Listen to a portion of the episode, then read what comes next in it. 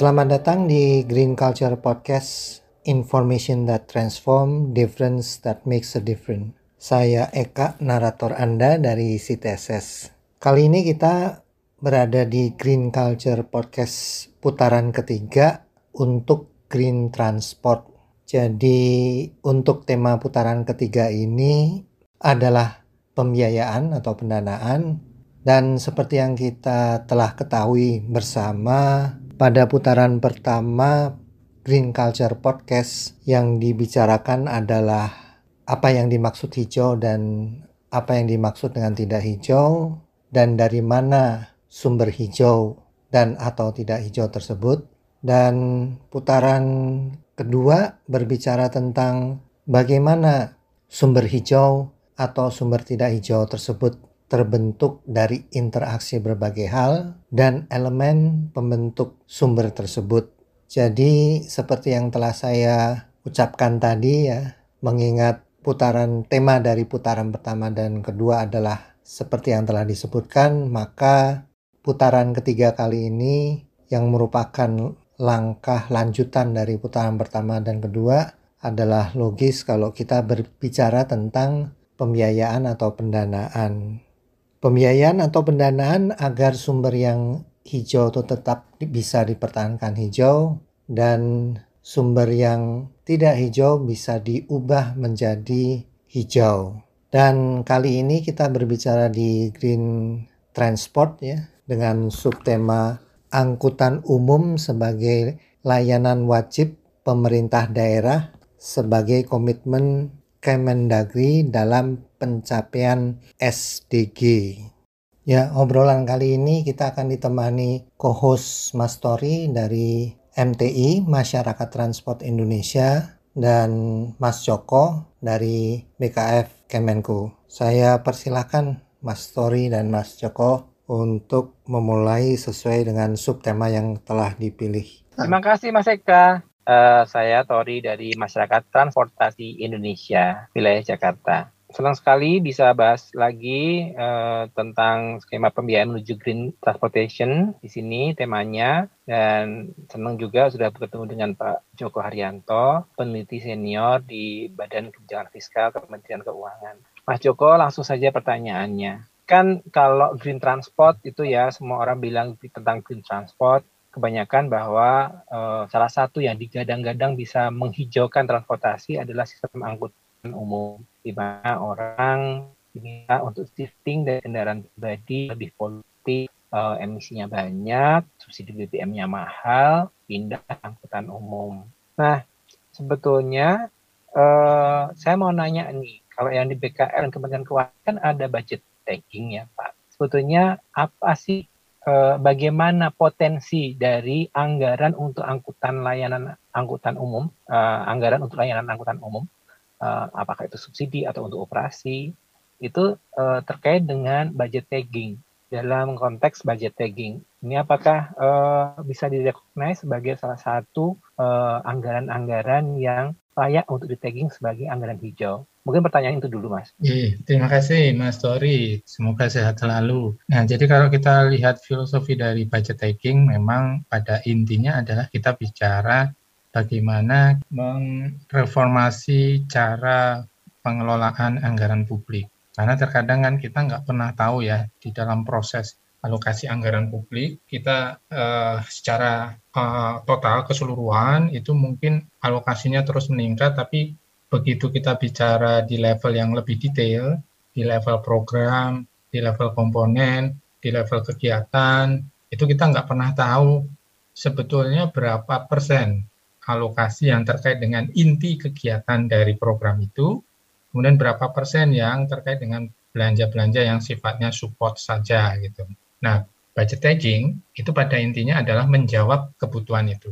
Jadi dengan pendekatan budget tagging, kita akan tahu dari satu porsi alokasi anggaran publik, berapa persen yang lari terkait dengan proses belanja intinya, berapa persen yang mendukung kegiatan supportnya. Komposisi belanja inti dan belanja support ini tentu menjadi hal yang menarik ketika nantinya alokasi belanja publik itu dihadapkan pada kebutuhan keterbatasan anggaran. Misalnya dalam kondisi pandemi, gitu. keterbatasan anggaran kan harus di jawab dengan salah satu solusinya adalah kebijakan realokasi anggaran. Nah, ketika realokasi anggaran ini kemudian dilakukan, Mas Tori bisa bayangkan kalau misalnya sebuah alokasi belanja publik tidak melakukan budget taking dengan dibandingkan dengan melakukan budget taking, tentu cara realokasinya akan lebih baik yang melakukan proses budget taking karena si uh, uh, uh, penentu uh, ke, kebijakan realokasi itu sudah tahu mana proporsi yang belanja inti, mana proporsi belanja uh, support. Kalau bicara realokasi tentu yang diprioritaskan adalah yang belanja intinya, sementara yang dipindahkan adalah belanja support-supportnya saja gitu. Nah, bagaimana dengan kebutuhan untuk melakukan tagging terkait dengan green transportasi? Pada intinya itu sangat dimungkinkan karena budget tagging itu adalah satu pendekatan. Yang dibutuhkan adalah bagaimana nanti Mas Tori menerjemahkan Eh, kebijakan green transportasi itu didefinisikan dalam beberapa kata kunci.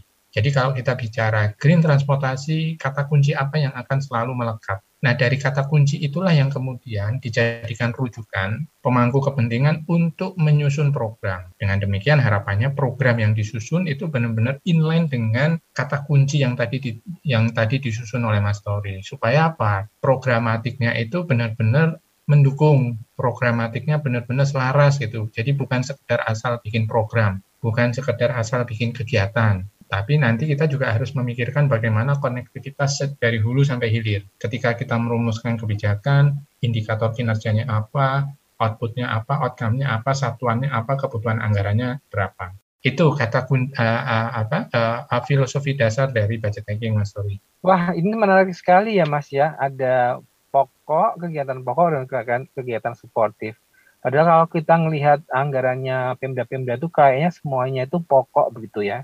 Eh, sampai jalan-jalan ke luar negeri pun pokok gitu. Jadi sebetulnya permasalahan bukan pokoknya bukan seperti itu Mas Tori. Hmm. Yang dimaksud dengan belanja inti ini kan belanja yang memang benar-benar terkait pelan secara langsung, ya. ya uh, direct gitu. Ya. Dan ini sifatnya esensial ya. Karena terkadang kalau Mas Tori bayangkan kebijakan realokasi anggaran itu kan istilahnya apa ya eras gitu ya uh, uh, harus yeah, cepat yeah. gitu. Nah ketika kita tidak punya uh, satu assessment yang baik, mm-hmm. kita takutnya salah melakukan realokasi. Yeah. Jadi yang dibintangin, yang ditahan atau yang dialihkan itu justru belanja-belanja yang hmm. sifatnya inti. Sementara yang lolos adalah belanja support. Hmm. Nah, Mas Tori bisa bayangkan nah, kalau bicara kualitas ya. belanja yeah. seperti apa.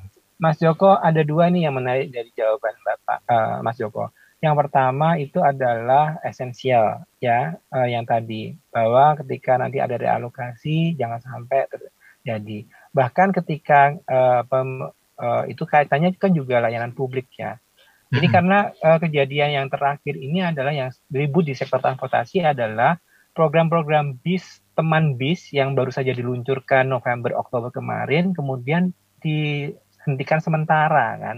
Uh, karena uh, karena bukan masalah budgeting sih Pak, bukan masalah realokasi, tetapi karena itu memang proses anggaran gitu. Jadi karena bukan kegiatan esensial, bukan wajib, makanya itu dia tidak bisa uh, bentuknya ada multi multi years multi atau kemudian terus atau kemudian sudah dipastikan begitu si awal apa uh, layanan pendidikan itu yang yang yang uh, yang menarik yang pertama.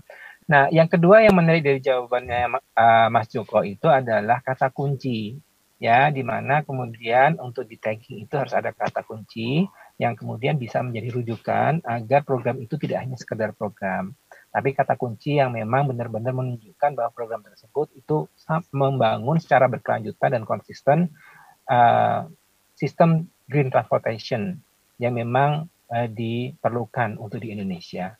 Nah, kata kunci itu pertanyaannya Mas Joko, kata kunci itu levelnya ada di tingkat daerah atau nasional harus punya narasi besarnya dulu, baru kemudian daerah nanti akan mengikuti atau bisa kemudian sangat uh, sangat situasional dan kondisional sesuai dengan karakteristik lokal gitu ya, Mas. Jadi kita bisa punya banyak diskresi sebetulnya Mas Tori, tapi by design memang harus ada kata kunci yang sifatnya generik nasional. Karena kan kalau bicara kebijakan transportasi di level daerah dia juga diturunkan dari kebijakan nasionalnya gitu. Jadi kita punya kata kunci yang sifatnya generik. Jadi kalau kalau Mas Tori bicara green transportasi gitu ya, dengan kata kunci ini akan membuat semua orang itu punya pemikiran yang sama, pemahaman yang sama, definisi yang sama gitu. Jadi kata kunci yang generik ini memang hal yang paling dasar gitu. Saya ambil kasus contoh misalnya kata kunci untuk mitigasi perubahan iklim. Generik kata kunci mitigasi perubahan iklim itu satu, semua kegiatan yang menurunkan emisi gas rumah kaca. Dua, semua kegiatan yang punya sifat karbon sekuristrasi. Tiga, empat, gitu. Kalau yang adaptasi itu yang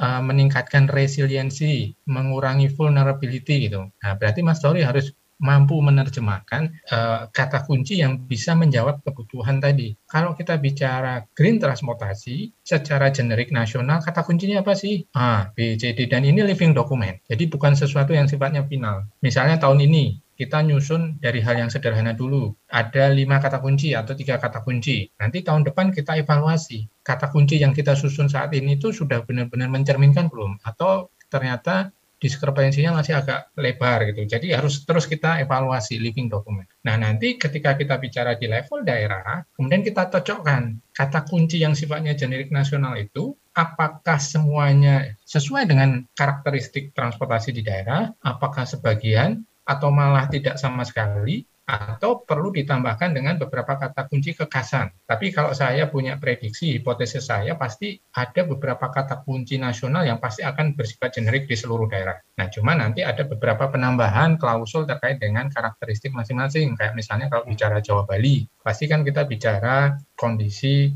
uh, infrastruktur darat, beda dengan misalnya nanti di uh, provinsi lain, di pulau lain dan sebagainya. Itu Mas Tori. Ya, baik Mas. Uh, jadi memang narasi besar itu memang uh, dan konsistensi kebijakan uh, itu memang diperlukan ya uh, agar kemudian program-program ini bisa mengerucut kepada suatu uh, arah uh, dan tujuan menuju green transportation uh, dan budget taking itu adalah tools yang bisa digunakan untuk itu.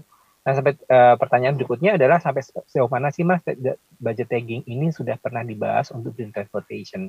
Sebagai uh, pelaku di uh, eh, BKF dan di Kementerian Keuangan, uh, teman-teman Kementerian uh, Perhubungan atau PUPR yang bikin jalan, bikin jalan tol, uh, atau Bapenas yang bikin perencanaan infrastruktur, ini sudah sejauh mana sih uh, green trans budget tagging dalam green transportation?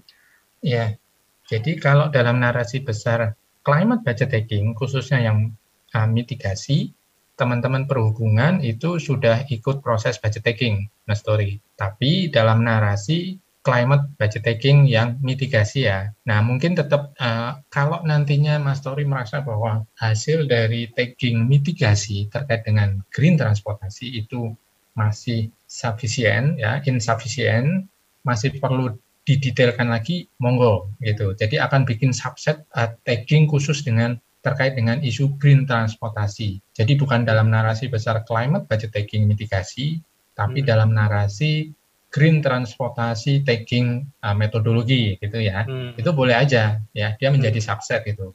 Tentu dia akan tetap melihat dari hasil taking mitigasi yang sudah dilakukan di level besarnya. Karena hmm. dari situ nanti akan diturunkan, dibikin subset yang lebih detail. Sama halnya dengan misalnya Direktorat uh, KSDAE, kalau di KLHK ya, uh, konservasi sumber daya uh, uh, alam itu uh, dia ikut di dalam proses tagging adaptasi. Jadi narasi besarnya adalah adaptasi perubahan iklim. Tapi dia mungkin punya kebutuhan untuk bikin subset tagging terkait dengan konservasi sendiri gitu. Karena konservasi ini uh, menjadi bagian yang lain kalau kita bicarakan uh, dalam kerangka uh, isu perubahan iklim. Gitu. Konservasi memang mendukung perubahan iklim dari sisi adaptasi, tapi dia juga punya dimensi yang lain, sehingga dia pu mungkin punya kebutuhan untuk melakukan tagging konservasi tersendiri gitu, jadi menjadi subset sendiri. Nah ini akan bisa diaplikasikan, diadopsi juga ketika kita bicara isunya green transportasi, Mas Tari. Ya, baik Mas, uh, ini sebuah pencerahan ya bahwa di level nasional sudah ada uh, mitigasi climate uh, itu tadi ya climate change itu uh, untuk budget, uh, budget hedging. Nah guideline untuk ini apakah sudah tersedia untuk publik Pak uh, dan sudah. bisa diakses di mana?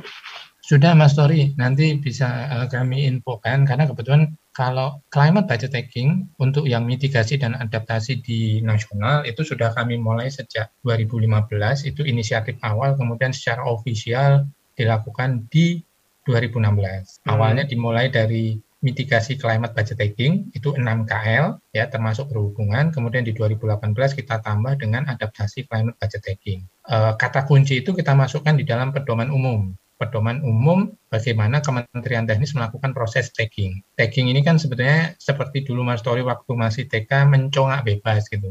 Jadi kalau oh kita mau bikin green transportasi, oke, okay, saya mau bikin program, harus ada kata kunci ini. Nanti dilihat, oh kata kuncinya udah masuk belum? Bikin program A, bikin program B, bikin program C dan semua. Jangan sampai ketika kita bikin program, filosofinya adalah yang penting kita bikin dulu, yang penting programnya dibanyakin supaya anggarannya banyak. Nah itu itu jangan ya, karena dengan budget taking itu justru merombak filosofi itu.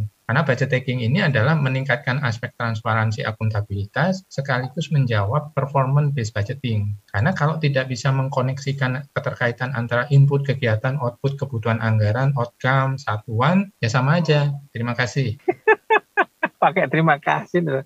Mas Joko, ini tadi katakan input sama outcome. Sekarang ini eh, angkutan umum itu kan sebetulnya layanan dasar ya. Karena eh, kalau orang tidak punya akses terhadap kendaraan pribadi, apakah itu karena dia masih uh, kecil atau sudah lansia atau punya keterbatasan fisik, maka sebetulnya layanan angkutan umum itu adalah bentuk kehadiran negara dalam menyediakan layanan kepada masyarakat untuk bermobilitas, mengakses kesempatan-kesempatan ekonomi, sosial, dan budaya untuk mengembangkan hidupnya. Cuma masalahnya program-program pengembangan angkutan umum di Indonesia itu belum sampai ke sana, Mas.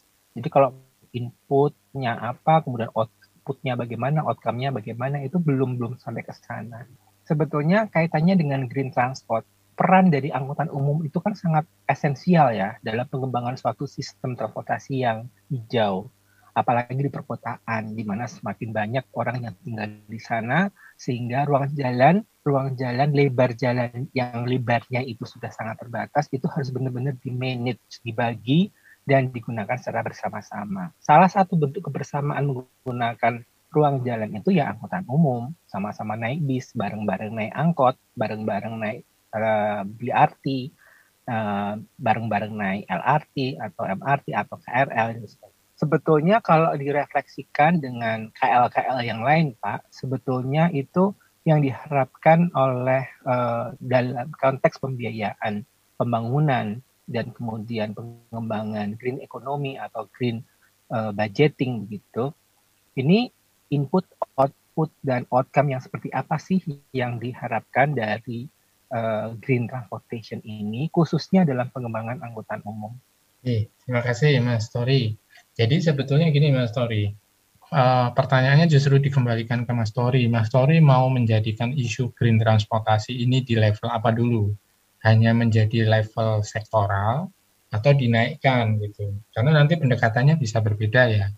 Kalau kita bicaranya dia hanya menjadi pendekatan sektoral, memang kemudian dia hanya diletakkan menjadi indikator kinerja utama dari kalau di daerah mungkin kepala dinas perhubungan gitu ya. Padahal kalau versi Mas Tori kan bahwa yang namanya uh, angkutan umum itu adalah layanan publik, layanan mendasar gitu, bukti kehadiran negara ya kan? Karena tujuannya mulia, dia mem memindahkan gitu ya, memindahkan orang dari yang awalnya bawa kendaraan pribadi kemudian beramai-ramai masuk uh, menggunakan moda uh, transportasi umum gitu, di mana di situ sebenarnya ada dimensi yang lebih dari sekedar hanya bicara transportasi.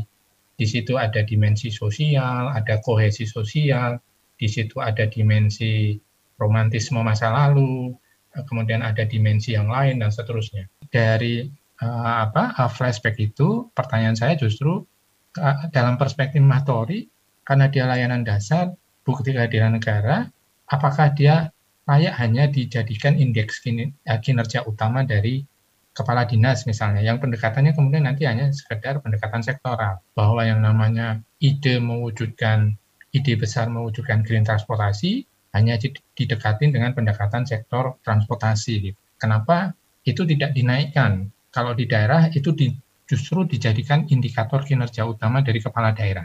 Jadi oh, green ya. transportasi itu diletakkan di dalam RPJMD, visi misi kepala daerah, dan dia diterjemahkan karena kalau dia diletakkan menjadi indeks kinerja utamanya kepala daerah nih Mas Tori, dia akan dikaskedin ke semua kepala dinas gitu. Jadi yang bersama-sama mendorong terciptanya green transportasi di suatu daerah itu multi uh, multi OPD gitu, multi SKPD, multi dinas, bukan sekedar ANSI hanya menjadi tugasnya dinas perhubungan dan transportasi gitu. Karena kalau kita lihat kan misalnya gini, oke okay, kalau dia menjadi indeks kinerja utama kepala daerah, yang nanti akan dilihat dalam periode lima tahun ya. Nanti semua semua dinas akan punya distribusi uh, indeks kinerja turunannya gitu. Jadi misalnya DLH dinas lingkungan hidup punya uh, minimal satu uh, program kegiatan yang akan mendukung terciptanya green transportasi. Misalnya sesuai dengan tusi dia ya tugas dan fungsi dia. Misalnya dia melakukan kegiatan adaptasi di uh, sepanjang jalan gitu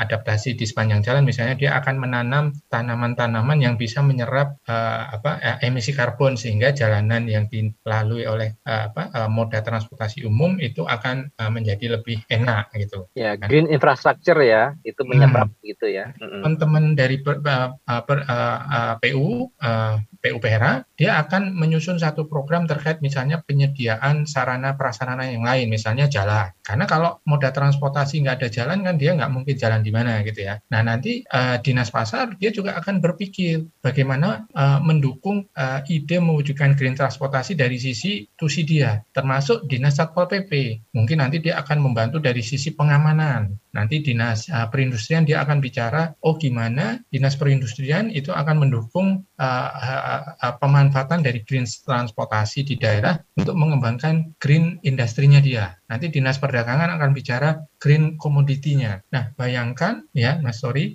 ide yang kecil tadi kalau didekati dengan sektoral akan menjadi besar kalau dilakukan secara masif, di, diberlakukan sebagai indeks kinerja utama dari kepala daerah. Kalau saya melihat ini justru lebih bagus kalau pendekatannya yang kedua tadi, ya. bukan sekedar hanya ya.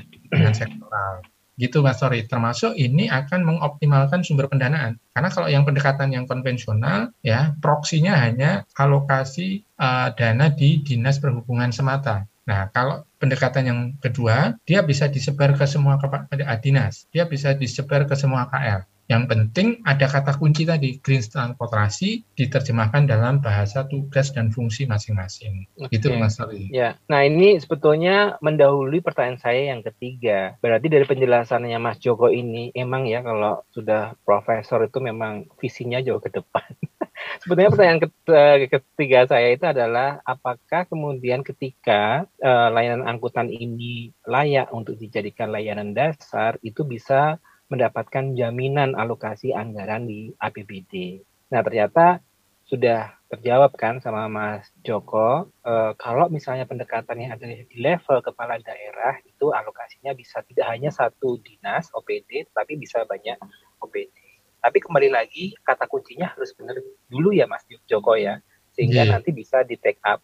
Nah, pengalaman kami di MTI ketika berhubungan dengan kepala daerah dan kemudian pengembangan angkutan, uh, angkutan umum gitu, kita kan harus bersinergi dengan apa yang namanya RTRW, RPJMD, RPJPD, yeah. kemudian Renstra dan sebagainya. Yeah. Sebetulnya secara normatif itu green transport yang biasanya diterjemahkan menjadi transportasi berkelanjutan itu sudah ada, Mas Nah, pertanyaannya kenapa alokasinya itu tidak bisa ada yang faktor pemaksa?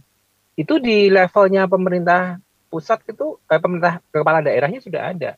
Ya kayak kemarin kayak dulu ya Pak Jokowi waktu masih wali kota begitu dia sudah bilang di transportasi saya visinya adalah transport itu uh, move people not move car begitu. Tetapi ketika dia bikin balik batik Solo Trans BST eh, itu dia tidak memberikan subsidi saya tidak akan memberikan subsidi, saya hanya membelikan bisnya saja. Pak Edi Santana waktu di wali kota, beliau wali kota Bapak Lembang juga begitu. Saya belikan 80 bis, tetapi saya tidak akan memberikan subsidi untuk operasionalnya. Padahal kita tahu semua bahwa untuk uh, operasional untuk menjalankan bis-bis itu kan butuh biaya.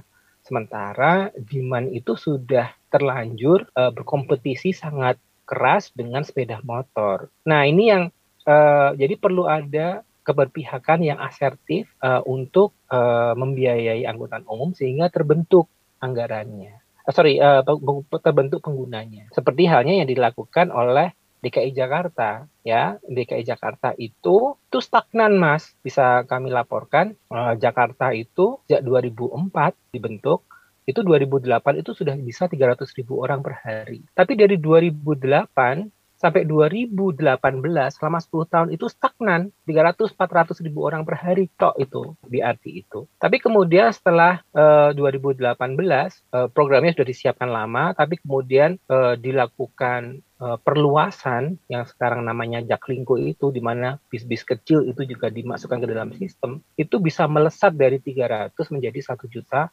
pengguna per, uh, sistem itu per hari. Nah ini kan ini memang harus ada political will ya di di dalam uh, alokasi anggaran.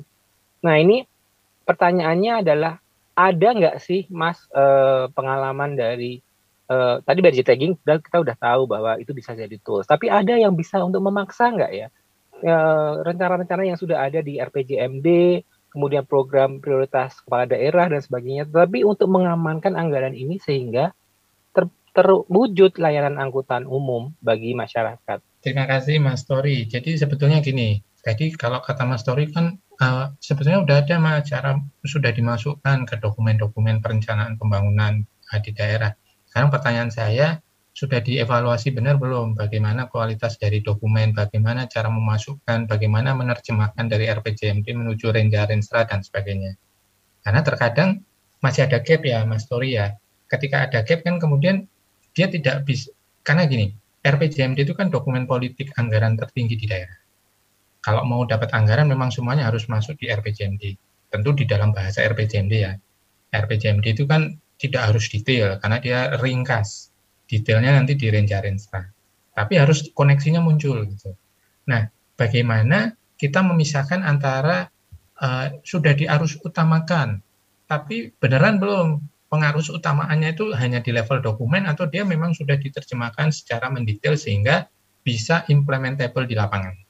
Nah, itu yang harus kita pisahkan.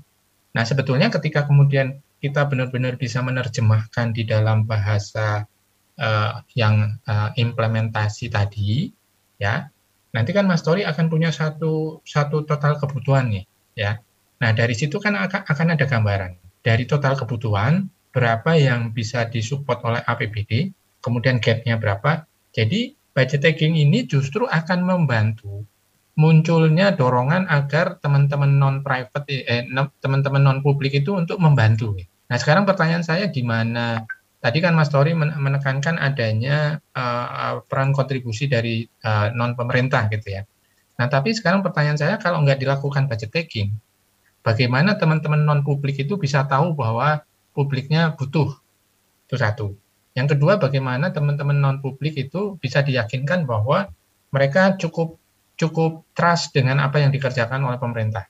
Yang ketiga, bagaimana cara teman-teman non publik untuk membantu yang publik kalau tidak ada mekanisme budget tagging. Kebutuhan uh, mereka mau bantunya berapa itu kan nggak ada standarisasi.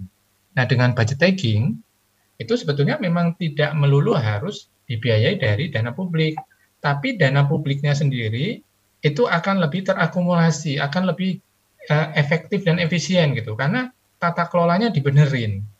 Nah, setelah tata kelolanya dibenerin, kemudian kita punya total kebutuhan, nanti keluarlah angka. Karena kalau dari hasil climate budget tagging kita, kita bisa mengeluarkan satu angka angka uh, apa uh, uh, kapasitas pemenuhan dari APBN. Jadi dari hasil climate budget tagging kita mengatakan bahwa oh kapasitas pendanaan pemerintah hanya 34 persen rata-rata setiap tahun. Artinya yang 66 persen ini kan dari non pemerintah nih. Nah silakan 66 66 persen ini diterjemahkan. Berapa yang sanggup disupport oleh private, berapa yang sanggup disupport oleh internasional, berapa yang sanggup disupport oleh masyarakat sipil dan seterusnya. Nah dari sinilah kemudian kita invite uh, masuknya uh, apa uh, uh, non state aktor tadi ya Nah, salah satunya yang tadi, kalau dalam bahasa Mas Tori kan perluasan jaringan. Jadi kalau dulu memang pengadaan bis harus uh, pemerintah, kemudian uh, sarana prasarana harus pemerintah. Kan ini bisa dibalik gitu. Misalnya dari hasil budget taking untuk 2023 kita tahu bahwa oh kapasitas APBD terbatas sehingga hanya mampu menyediakan sarana prasarana. Nah, berarti uh, untuk kebutuhan uh, uh, apa uh, penambahan armada bisnya kita berharap dari non-state aktor. Oke, caranya gimana? Nah, kemudian kita ngobrol ya, ngobrol dengan non-state aktor. Diajaklah semua. Kemudian disampaikan, kami butuh nih uh, dalam kapasitas penambahan armada. Nanti siapa yang uh, sanggup, misalnya uh, new armada, uh, karoseri yang lain. Nah, nanti kemudian apa yang dilakukan oleh pemerintah? Pemerintah memberikan kepastian, baik dari sisi regulasi, aturan main, ya, kemudian playing field dan sebagainya. Jadi memang tidak harus di 100% dana dari pemerintah karena kalau dana pemerintah 100% itu kami juga nggak yakin akan mampu gitu. Karena saya bisa taruhan potong kuku, bayangkan Mas Tori berapa total kebutuhan yang harus digelontorkan oleh APBN atau APBD untuk misalnya dalam satu skup yang kecil uh, menambah armada bis gitu. Kalaupun mampu, saya yakin pasti akan tertatih-tatih gitu. Jadi memang akan lebih baik kalau dimunculkan uh, peran serta government dan non government. Ya, ya, baik Mas. Ini sangat menarik ini bahwa tata kelola didorong dengan budget tagging, kemudian budget tagging disosialisasikan atau kemudian di-share kepada aktor-aktor non pemerintah, mungkin juga tidak hanya swasta, tapi juga CSO, NGO dan sebagainya begitu ya, bahkan donor. Jadi ini menarik. Saya jadi ini bagus pengantar yang bagus untuk pertanyaan saya yang terakhir yaitu sekarang ini kan banyak sekali sumber-sumber pendanaan yang kaitannya dengan climate climate fund inisiatif DCI kemudian ada carbon tax ada uh, apa uh, dana lingkungan hidup dan sebagainya. Sebetulnya kalau nanti program green transportation itu uh, berhasil dirumuskan uh, dengan kata kunci yang baik kemudian input output yang terstruktur, kemudian juga sudah didetailkan uh, secara harmonis uh, antara uh, arahan untuk objektif atau KPI pemerintah kepala daerah dengan OPD-OPD-nya begitu. Sebetulnya sejauh mana sih Mas dana-dana uh, climate ini available dan kemudian green transport ini kira-kira harus ngapain nih biar bisa mengakses dana-dana uh, climate ini karena kan besar banget kan uh, itu? Ya, tentu harus bisa menyusun proposal yang berkualitas ya Mas Tori ya. Nah, ini menjadi tugasnya dari Mas Tori CS nih. Karena kalau teman-teman birokrat memang uh, di satu sisi masih butuh peningkatan kapasitas dalam hal penyusunan uh, proposal ya. Yang kedua, mungkin juga karena mereka tidak punya waktu nih. Nah, ini adalah bentuk kolaborasi yang bisa diisi oleh masyarakat sipil, ya termasuk uh, uh, masyarakat transportasi Indonesia yang dipimpin oleh Mas Tori gitu. Kan Mas Tori punya pengalaman segambreng nih untuk uh, uh, mendorong masuknya dana-dana uh, hijau internasional. Nah ini justru pertanyaannya dibalik ke Mas Tori. Kira-kira bagaimana kesanggupan dari Mas Tori untuk bisa membantu teman-teman di daerah atau di level nasional di kementerian untuk bisa mendorong masuknya dana-dana internasional yang hijau tadi gitu. Tapi sesibuk-sibuk apa pun uh, dengan rutinitas mereka dari birokrasinya juga harus punya will dulu kan Mas? Ya tentu tentu uh, keduanya harus saling bahu membahu ya bahu membahu ya Mas Tori ya bukan bahu membahu ya bahu membahu. Jadi Mas Tori uh, menjadi patronnya kemudian teman-teman uh, birokrasinya juga bekerja bersama. Ini saya pikir akan jadi kolaborasi yang luar biasa nih antar aktor yang uh, apa uh, pemangku kepentingan utama gitu. Baik Mas, uh, terima kasih. Saya rasa kolaborasi memang sudah menjadi isu yang uh, mulai ramai diterapkan, tidak hanya dibicarakan. Uh, terutama di Jakarta ya kolaborasi itu uh, sudah dimulai sejak 4-5 tahun yang lalu. Nah, kemudian mencapai momentumnya sekarang karena prakondisinya sudah ada. Dari mulai kolaborasi antara masyarakat dengan uh, untuk pembuatan taman bagi masyarakat setempat, kemudian kolaborasi perbaikan kampung, kolaborasi pembenahan stasiun dan sebagainya. Itu kalau di Jakarta itu kelihatan. Cuman yang kalau kolaborasi-kolaborasi apa best practice apa local uh, best practice itu juga tidak hanya di Jakarta sudah tersebar begitu kayak pemindahan uh, apa uh, pedagang kaki lima atau kemudian penataan penataan pasar tumpah dan sebagainya itu uh, sudah banyak di semua daerah. Jadi kalau saya setuju sih sama uh, Mas Joko, kolaborasi itu sangat penting. Cuman tetap aja nih Mas, uh, mungkin bisa diceritakan sedikit uh, karena kan ini nanti judulnya Green Transportation dan tidak semua orang transport yang tertarik dengan Green Transportation ini familiar dengan uh, pajak karbon, kemudian uh, dana lingkungan hidup, Nah, itu mungkin bisa bisa di-share sedikit saja Mas uh, tentang sebenarnya pemerintah itu niatannya apa sih sampai uh, mengadakan hal-hal sumber-sumber pembiayaan itu.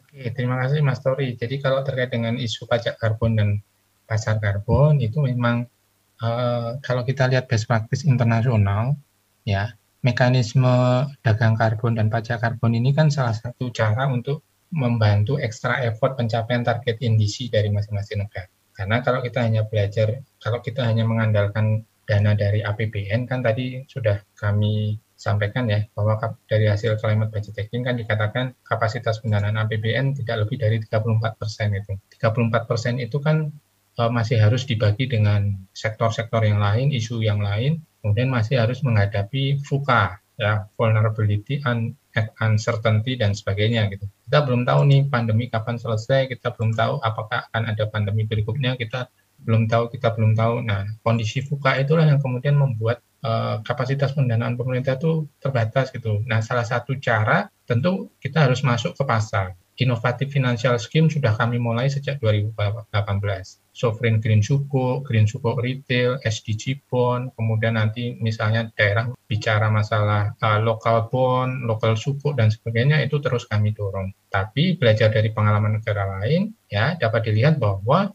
salah satu kapasitas uh, pendanaan yang bisa meleverage itu adalah deal dengan market lewat pendanaan pasar karbon dan pajak karbon. Nah, inilah yang kemudian coba kami lakukan, ya pemerintah lakukan. Regulasinya sudah ada, Perpres 98 terkait dengan nilai ekonomi karbon, Undang-Undang HPP 7 2022 terkait dengan pajak karbon. Saat ini kami sedang bekerja keras untuk menyelesaikan finalisasi regulasi turunan. Terkait dengan uh, Perpresnek nanti akan ada dua permen LHK terkait dengan NDC dan NEC, kemudian akan ada satu permen KU terkait dengan tarif dan tata, tata cara pengenaan pajak, kemudian ada permen SDM terkait dengan uh, apa pungutan di sektor energi karena per 1 April 2022 pajak karbon akan mulai menyasar di uh, PLTU batubara. Nah, harapannya tentu akan membantu pencapaian NDC 2030.